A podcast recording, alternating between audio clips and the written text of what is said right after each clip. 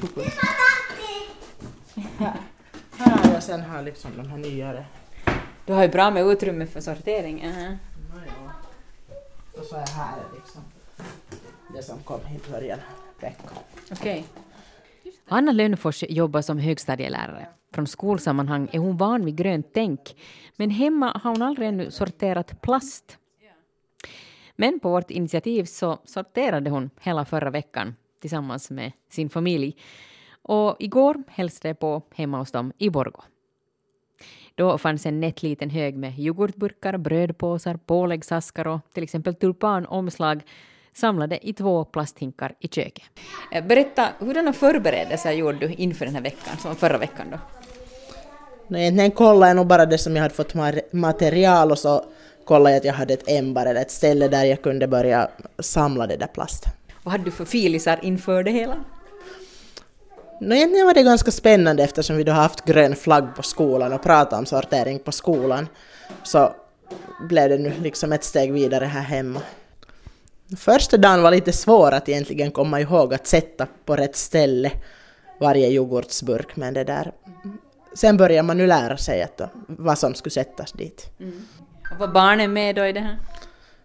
Nå, det, det är de som har ätit upp yoghurtburkarna som finns i samlingen men det där.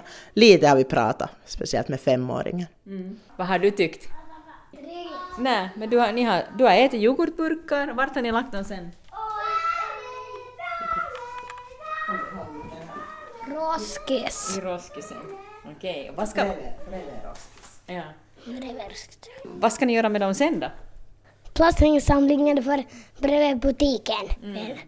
Och har du ätit extra många yoghurtar nu så det skulle bli mycket plast? Nej. Nej.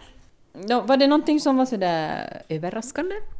Men jämfört med hur mycket vi får paff och sådana mjölkburkar så tycker jag att plastens andel hos oss är ganska liten men att vi vuxna äter såna yoghurt på i liters burkar till exempel. Och så har vi kött från frysen som är packat på annat sätt så det blir inte så där hemskt många plastförpackningar. Att hantera plastgrejerna kändes aningen ovant, konstaterar Hanna. Det var liksom svårast att veta att hur rent man måste få det där plastet för att kunna sätta det dit i samlingen. Jag har nog putsat dem ganska noga. Men var det någonting med det här då som kändes jobbigt? Hela tanken, det är så inrotat på något vis att uh, paff och papper har vi satt skilt tidningar men annars så, det där, så har vi haft en, en enda ställe vart man sätter allt så. Att komma ihåg att sätta det skilt. Var det någonting som var väldigt trevligt med det här? Och egentligen att märka att inte det är så där hemskt svårt sen ändå att, att det där sortera kanske. Det kräver lite mer än en vecka att komma in i det men, men det där, en bra start. Kan du tänka dig att fortsätta? Nu ska vi väl försöka åtminstone. Ni har inte ännu fört förstås, för att vi ska ta foton här av den här plasten. Men vart, var, var är ert ställe? Hur långt måste ni åka nu för att föra det här? Alltså det är ja, där vid Näsesmarket i Borgo. Så det är nog kilometermässigt blir det nog 10 kilometer, fem, till och med mera 15 kilometer. Men att man kan ju handla maten samtidigt. Och nu har jag inte kollat faktiskt, det kan hända att det finns också i Sibbo lite närmare. Ja, men huvudsaken är att det finns vid, vid matbutiken. Det är inte så stor skillnad på kilometermängd utan det är när man går till matbutiken så då tar man med sig det. No.